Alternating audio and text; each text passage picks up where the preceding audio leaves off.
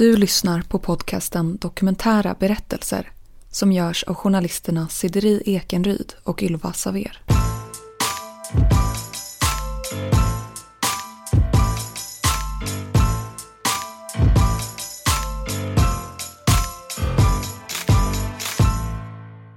De kommande två avsnitten ska handla om manipulation och lögner.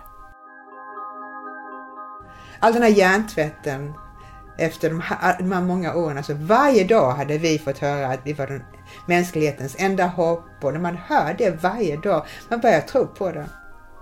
Vi ska höra Mariettes berättelse om sina 25 år som medlem i scientologerna. Man vaknar inte på morgonen och säger nu ska jag gå med i en sekt utan det är något som tar väldigt lång tid och när man väl går med så är man helt säker på att inte det är en sekt tror jag. Det är i slutet av 70-talet. Mariette är 19 år, har precis tagit studenten och känner att hon är trött på att bo i sin hemstad Halmstad. Eh, och eh, ville bara göra vad som helst för att komma bort därifrån. Ville inte studera vidare, var trött på att sitta i skolbänken. Och ehm, eh, letade väl efter spänning kanske i livet. Och eh, hade en pojkvän som var fem år äldre och det betyder ju mycket när man är 17-18. Jag lyssnade mycket på honom. Och han blev intresserad av scientologerna och långsamt började dra in mig som redan var väldigt skeptisk. Eh, jag läste böcker, vi gick på några föredrag och sen efter ungefär ett år så flyttade vi ner till Malmö, till kyrkan där och, och började ta kurser där. Så det var så jag först drogs in. Vem som helst kan ramla dit. Va? Vi pratar också med Staffan Rosander på Stiftelsen Fri. En stödförening för människor som förlorat vänner eller anhöriga till en destruktiv rörelse. Hamna i ett olämpligt sammanhang så att säga. Men jag skulle tro att det finns en, en viss eh, statistisk eh, övervikt för sådana som är idealistiska, för sådana som eh, har intresse för, för andliga religiösa frågor och eh, Eh, det kanske finns någon annan sån. Så att jag tror att en mindre del av de här personerna som, som fastnar, alltså eh, gör det på grund av sin personlighet. Men de flesta gör det inte, utan de flesta hamnar där för att de har varit på fel plats vid fel tillfälle, så att säga.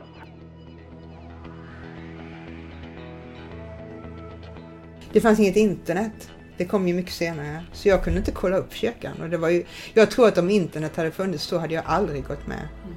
Utan det var det att jag kunde inte kolla upp det. Jag fick gå till biblioteket och kolla i tidningar om artiklar som hade skrivits om det. Var det enda jag skulle kunna ta reda på dem liksom. Um, så jag hade bara en bild av att jag tror att jag drogs med mest på grund av gemenskapen. För de människorna som var där, de var helt underbara. Och de var alla unga, de såg bra ut, de klädde sig snyggt liksom. Och jag kände kanske, du vet när man är 19 så har man lämnat sitt, sin familj och kanske undermedvetet så letar man efter en ny gemenskap att tillhöra. Och det gjorde jag nog på något sätt och vis. Så jag kände att jag hittade den hos de människorna i Malmö. Det är ju så att de, de, de lovar någonting va som, som är, är eh, lockande och kanske till och med bra, eh, det som lovas. Problemet är bara att eh, det inte alls alltid är bra, va? utan i allmänhet är det fråga om falsk varubeteckning. Alltså. Scientologin grundades på 50-talet av amerikanen L. Ron Hubbard efter att han skrivit boken Dianetics. Vad, vad var det för bild av honom som presenterades inne? Och han var Gud. Vi hade bilder av honom överallt. Vi klappade. Varje gång vi hade en samling så klappade vi framför hans bild. Liksom. I sin bok Dianetics beskriver L. Ron Hubbard hur tidigare upplevelser kan påverka sinnet på ett omedvetet plan. Vilket gör att man mår dåligt och inte lever i sin fullaste kapacitet. Alltså när man är 19 så är det där med pengar och sånt, det betyder inte så mycket. Man vill liksom göra något meningsfullt. Och det, det, var ju mycket det att, att, du, att anden är, är liksom större än kroppen och det som är kroppsligt och världsligt är inte så viktigt som du själv och dina känslor och, och alla de sakerna de, liksom, de stämde för mig på något sätt. Och kanske att det där med att lite grann den här kittlande tanken på att det finns något mer än bara det vanliga träliga, tråkiga livet, att det finns något större liksom. Ja. Mm. Och för de som inte känner till scientologins tro så mycket, vad består det där någonting större av? Det, är ju så, det finns ju hundratusentals, jag menar, hundratals kurser. Men i slutändan så handlar det egentligen bara om att du är en ande och du är fri från din kropp. Och du bär på en massa tråkiga minnen. Om du kan bli av med de minnena så kan du bli mer dig själv och kraftfullare och så vidare. Så, när man, så syftet när man talar om själva när man pratar med folk som är intresserade eller medlemmar, det är ju att hjälpa människor att skapa en bättre värld och där människor kan trivas bättre. Men när du kommer högre upp i toppskiktet så är ju syftet helt att styra världen. Och det finns inget mindre syfte än att ta över världen och styra världen i Scientologikyrkan. Eh, vi talar om att de utsätts för lovebombing. Vi hör Staffan Rosander från stiftelsen FRI igen. Det vill säga alla är så förfärligt vänliga och hjärtliga och talar om hur bra de är och så vidare. Eh, men eh, så småningom när de har börjat bränna sina broar så att säga mot familj, de kanske tar avstånd från familjen för familjen förstår ju inte det fina med det här och, eh, och så vidare. De kanske börjar strunta i skolan om det är fråga om det eller eh, strunta i sina, sina vänner och så vidare. Så, så fastnar de alltså allt mer och mer bara för att de märker inte alltså att de fastnar egentligen. Den andra vanligaste frågan jag får det är eh, vem går med i en sekt? Vilken, vilken personlighet går med i en sekt? Och jag tror att missförståndet är att det är personer som är väldigt introverta, dåligt självförtroende och um, var det inte alls med mig. Och jag tror inte det är så heller, för jag tror att sekter letar efter folk som är utåtgående, utåtriktade, eh, har bra självförtroende och som kan representera dem på något sätt. Och att många som går med i sekter faktiskt är handplockade. Det är inte så att du väljer sekten men sekten väljer dig och det är lite extra läskigt. att du blir utvald liksom. Eh, men i mitt fall så eh, var jag absolut inte introvert utan jag, var, jag ville hjälpa andra. Jag tyckte inte jag hade några problem själv. Och eh, började jobba efter ett tag på kyrkan och det var för att kurserna de var liksom väldigt enkla. Eh, inget komplicerat i början ehm, men kostade mer och mer pengar. Och så kom det en rekryterare och han sa att eh, du kan ju jobba här. Du behöver inte betala någonting för kurserna. Och det var så jag började jobba där. Allting som kyrkan egentligen gör det är att värva fler medlemmar och jag var ganska utåtriktad och jobbade nästan uteslutande i, med marknadsföring och eh, PR och sådana saker. Mm.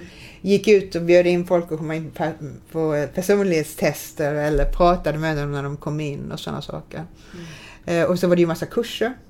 Vi hade ju massa kurser och andlig vägledning. Så det var, eh, ja det var som ett litet företag men vad ska man jämföra det med? En kyrka.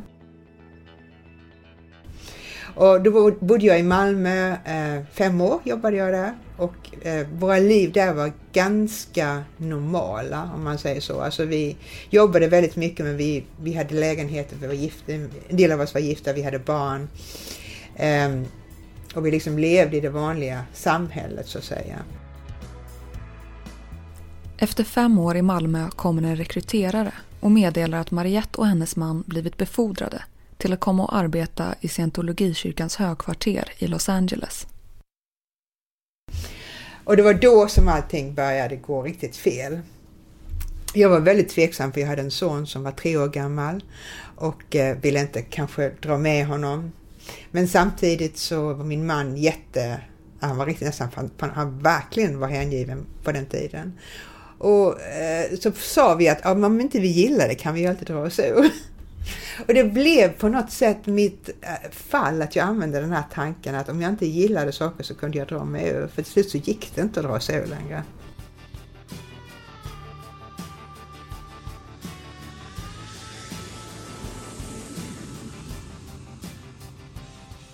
De anlände till högkvarteret som ligger två timmars bilfärd utanför Los Angeles. Man tror att en sekt är eh, kanske en gammal kyrka någonstans eller något ruckel ute i skogen och gamla män som går omkring i kåpor och fotsida kåpor och svamlar bibelord och, och att alla är um, psykopater som man kan se deras ögon, hur ondskefulla de är och att man aldrig skulle gå med på en sån grej. Men alltså scientologikyrkan i Los Angeles var ju helt annorlunda. Eh, och en stor, stor egendom med eh, gymanläggningar, pooler, eh, en egen eh, filmstudio, marknadsföringsavdelning. Det var så flott och välklippta gräsmattor och verkligen vackert. Alla som var där hade jättesnygga kostymer på sig och jag kommer ihåg att jag kom dit och jag tänkte, ja, men, för mina föräldrar hade sagt du går med i en sekt och jag hade sagt jag inte alls. och då um, kom jag ihåg att jag tänkte att det här är ju ingen sekt, det här är ju någonting helt, det här är ju underbart liksom. Och det var mitt första intryck. Mm. Det enda saken som störde mig lite var det här stängslet som gick runt egendomen som var liksom väldigt högt och hade taggar och, och att det fanns en litet eh, vaktbås som man fick ta sig in genom. Men yes, väldigt snabbt fick jag höra att det här var för att skydda oss. Vi hade ju dyrbar filmutrustning och sådana saker. Och tänk om de skulle komma in och stjäla det, det var ju väl värt miljonbelopp och sådär. Så jag köpte väl det i början. Jag tror man måste prata också om vad som var bra. För annars skulle ju ingen någonsin stanna. Och vi var tusen personer som jobbade där ungefär, mellan 700 och 1000 de här åren. Och, eh, alltså gemenskapen, alltså jag tror aldrig jag kommer uppleva en sån gemenskap som jag kände. Med att jobba med samma människor, på samma ställe, fira jul tillsammans, åka upp i fjällen, åka skidor. Det här att man, man verkligen var en grupp som jobbade med samma syfte. Så i början så var det ju ganska bra, eh, lite magiskt sådär. Man kan ju säga så här. Staffan Rosander fortsätter. Om man, om man inte vet någonting så säger man, ja men de har ju själva gått med alltså. Det, och det är bara dårar som går med i sektor och så vidare. Sådana saker kan man tro. Va? Eh, de har alltså gått med själv. För det första så, så hävdar jag då, jag då det att de har blivit indragna. De flesta har blivit indragna på, med hjälp av falsk varubeteckning. De har inte vetat vad de har gått in i. Men inte ens den mest eh, rabiata sektvän kan väl påstå att, att, eh, att eh, de barn som har vuxit upp i sekter har valt det själva. Va? Mariette börjar jobba med marknadsföring och PR på allt högre positioner. Samtidigt börjar hennes kontakt med sin son begränsas. Det började med att barnen bodde på ett annat område än vi och då träffade vi dem faktiskt två hela dagar i veckan eh, utan några, några distraktioner. Och ibland fick vi träffa dem mitt i veckan också. Sen när min son var åtta då eh, skapades ett barnläger ute i eh, naturen, alltså ute i öknen, nära där vi bodde, ganska nära. Eh, och då fick jag också träffa honom mindre och mindre och mindre. Men sen när han var 12 började han jobba. Alltså han, skolgången var helt försummad för de här barnen. Så då jobbade han på samma ställe som jag och då träffade vi varandra mycket mer.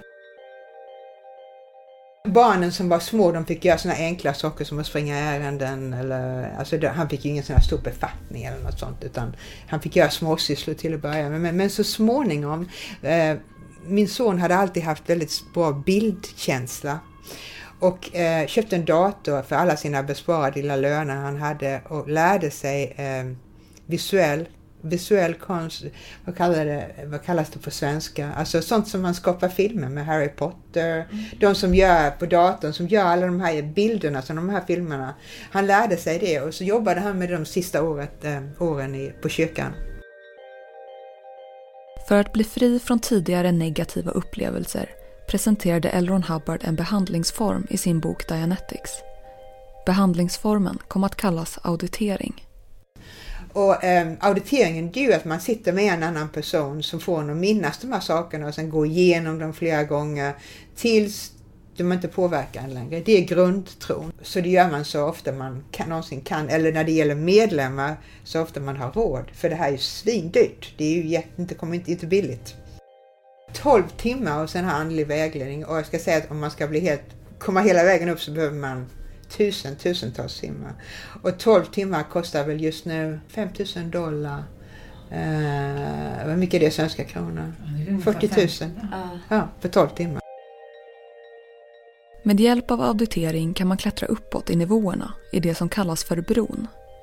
Det finns åtta nivåer och efter tusen timmar i auditering hade Mariette uppnått nivå 5 eller OT5 som det kallas. Men ju, ju högre du kom ju abstraktare blev det här.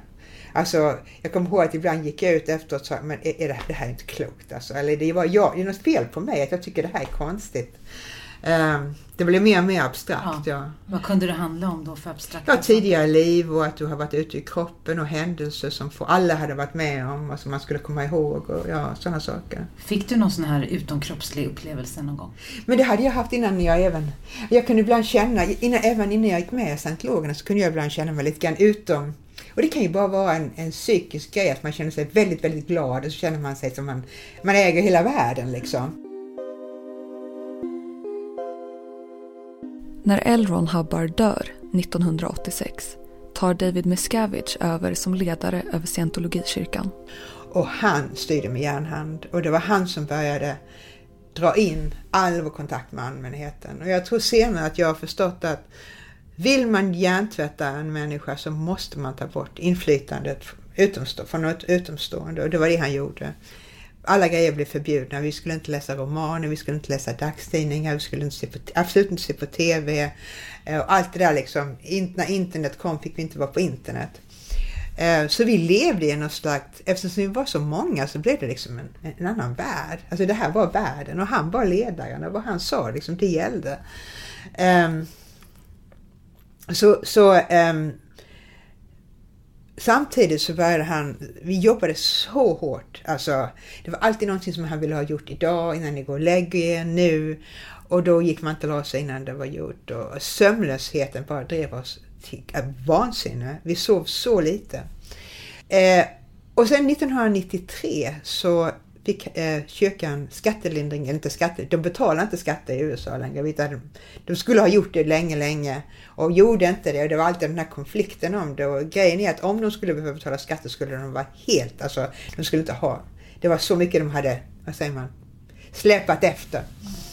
Eh, och sen eh, gick han upp till eh, IRS och fick fixade på något sätt. Det. Och efter det så var det någon som bara slog slint i honom. Alltså han, han tyckte att han var Gud som kunde göra det här på något sätt. Det var ju väldigt stort för kyrkan.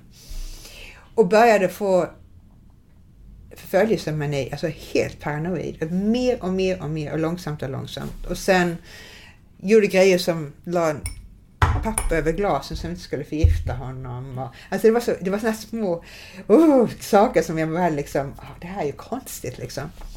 Och då jobbade jag med honom själv, alltså jag jobbade uppe i de högsta kontoren. Så jag var liksom den här gruppen av människor som stod honom närmast, alltså som jobbade närmast med honom. Mm. Som han hade något, som han hade något att göra med direkt, helt enkelt. Och det är väldigt intressant för det är viktigt att säga det här att han var också en av de trevligaste människor jag någonsin har träffat. När jag först kom dit, han lärde mig så mycket. Han, han var väldigt bra på att lära en, eh, sitt jobb. Alltså han kunde sitta med mig i timmar och var väldigt tålmodig och förklara för mig hur man mest marknadsför och, och eller om jag ville alltså, gå över någon produkt med mig eller någonting. Och han kunde vara riktigt snäll. Han hade inte ondskefulla ögon. Även om man hörde på bilderna de har tagit och så. Men alltså han, han kunde vara väldigt, väldigt fin. Mm. Eh, och, och, samtidigt den elakaste människa jag någonsin har stött på. Liksom. Mm. Både och.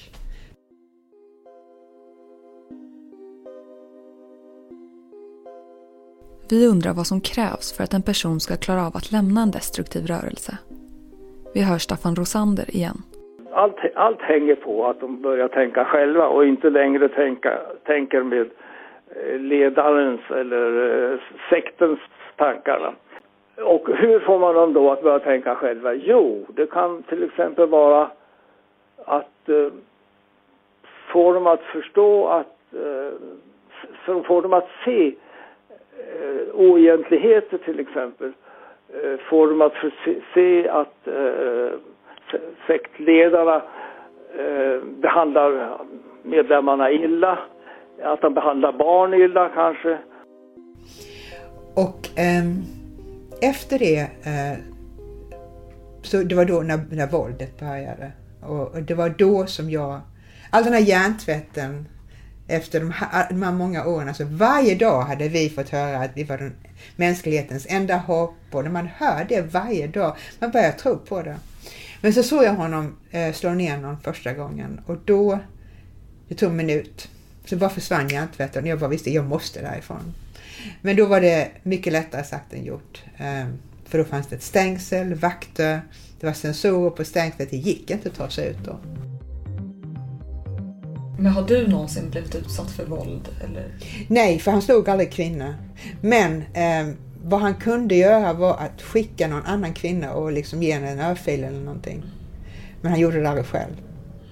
Men jag såg så många av mina vänner bli utsatta för våld. Det var fruktansvärt. Och det var ju så att det först, så fort ledaren började slå, då var det okej för alla att göra det. Och det var kaos. Det var som, vi var som råttor instängda i en trång bur de senaste månaderna. Men jag undrar också de här kända namnen som Tom Cruise Ja. och John Travolta. Ja. Alltså, Träffade man någonsin dem och är de faktiskt djupt inne De är scientologin också? absolut djupt inne. Speciellt Tom Cruise. Och jag, jag träffade honom. Han är helt... Alltså han, han är helt särbehandlad. Alltså kyrkan ger honom vad han vill. Han är deras guldgosse. Och så är det bara. Och han är bästa vän med ledaren. Och eh, grejer som... Alltså när han hade födelsedag så flög hela hans favoritrestaurang från Los Angeles ut till ett skepp där han hade sitt födelsedagspartaj och kyrkan. Alla hans anställda i scientologer. Um, kyrkan har gett honom grejer som en handgjord motorcykel eller en hangar för hans, alltså egentligen slavarbete av folk som, är under, som inte får någon lön som gör fina grejer till Tom Cruise. Så därför finns det en viss bitterhet. Det värsta var en gång när han hade varit där med Nicole Kidman och då eh, nämnde han att jag skulle vilja springa med Nicole på en blomsteräng. Och då var vi uppe 700 personer dag och natt och planterade en blomstäng för att Tom Cruise skulle springa där med Nicole Kidman. Och ännu värre blev det när vi var färdiga för då kom ledaren på sin motorcykel och kollade på det och sa nej, riv upp det igen, det var inte snyggt. Alltså till den graden blidkar han Tom Cruise. Så det är ett sånt förhållande som är så tajt. Men så tänker jag så här. Tom Cruise har ju internet.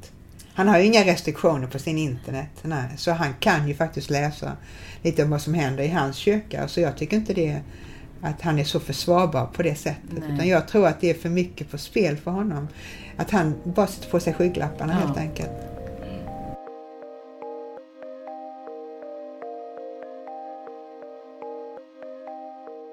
Vid det här laget har Mariette skilt sig från sin man. Han jobbar för kyrkan i New York och de har inte träffat varandra på nio år. Hon träffar då Dan. Han är från San Francisco och jobbar också på marknadsavdelningen. Och eh, vi började... Det började bara att man höjde på ögonbrynet eller gjorde en grimas när någonting hände och mer och mer fattade vi att vi kände likadant. Alltså för det här, vad som hände. Och sen jobbade vi sena nätter och då började vi prata om det.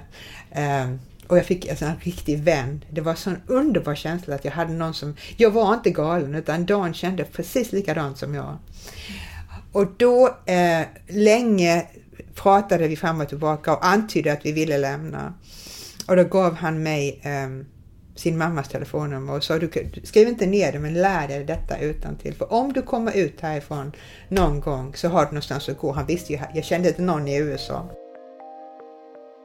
Och sen eh, var det julen 2003 och eh, vi fick, ledaren sa att vi fick, två timmar fick vi vara lediga och köpa julklappar.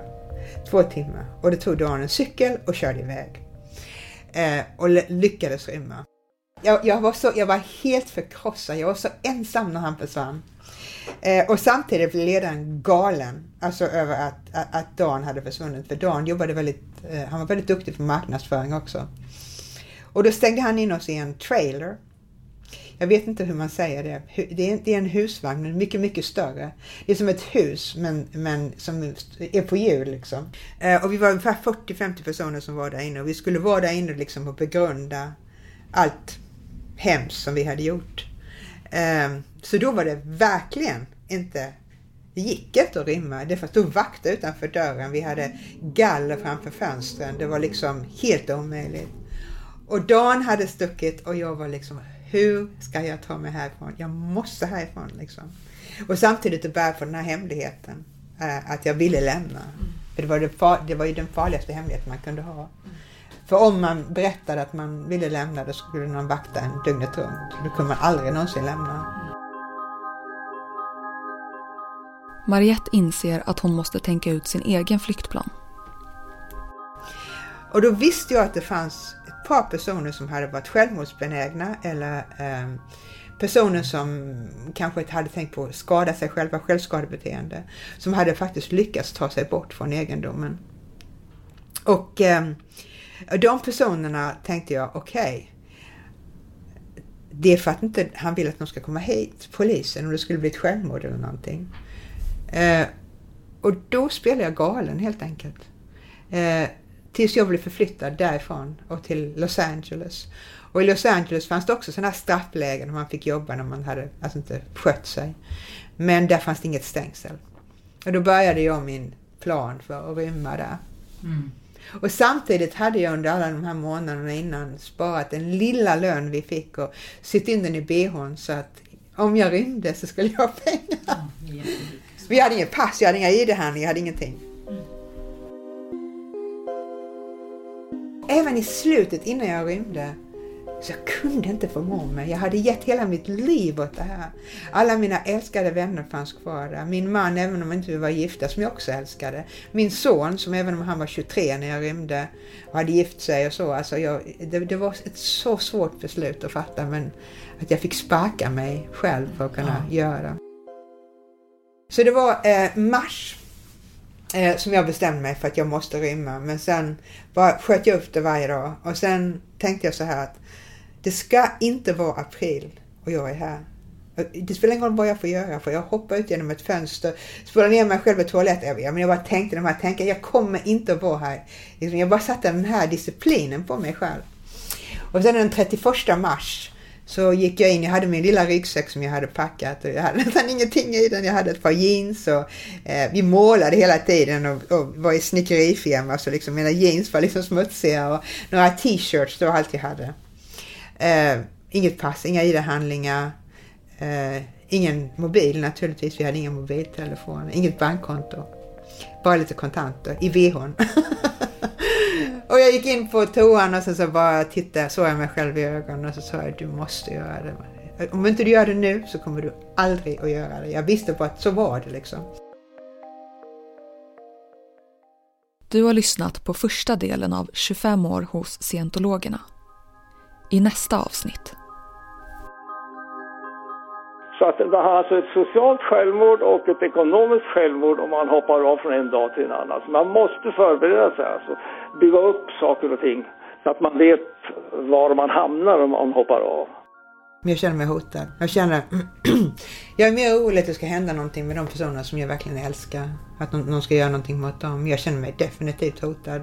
Speciellt när det går bra för mig. Då, då blir det extra starkt tryck liksom från kyrkan. Eller när jag har varit mycket på TV och sådär. De hackade min dator, tog sig in i manuskriptet för min andra bok. Jag fixade precis det.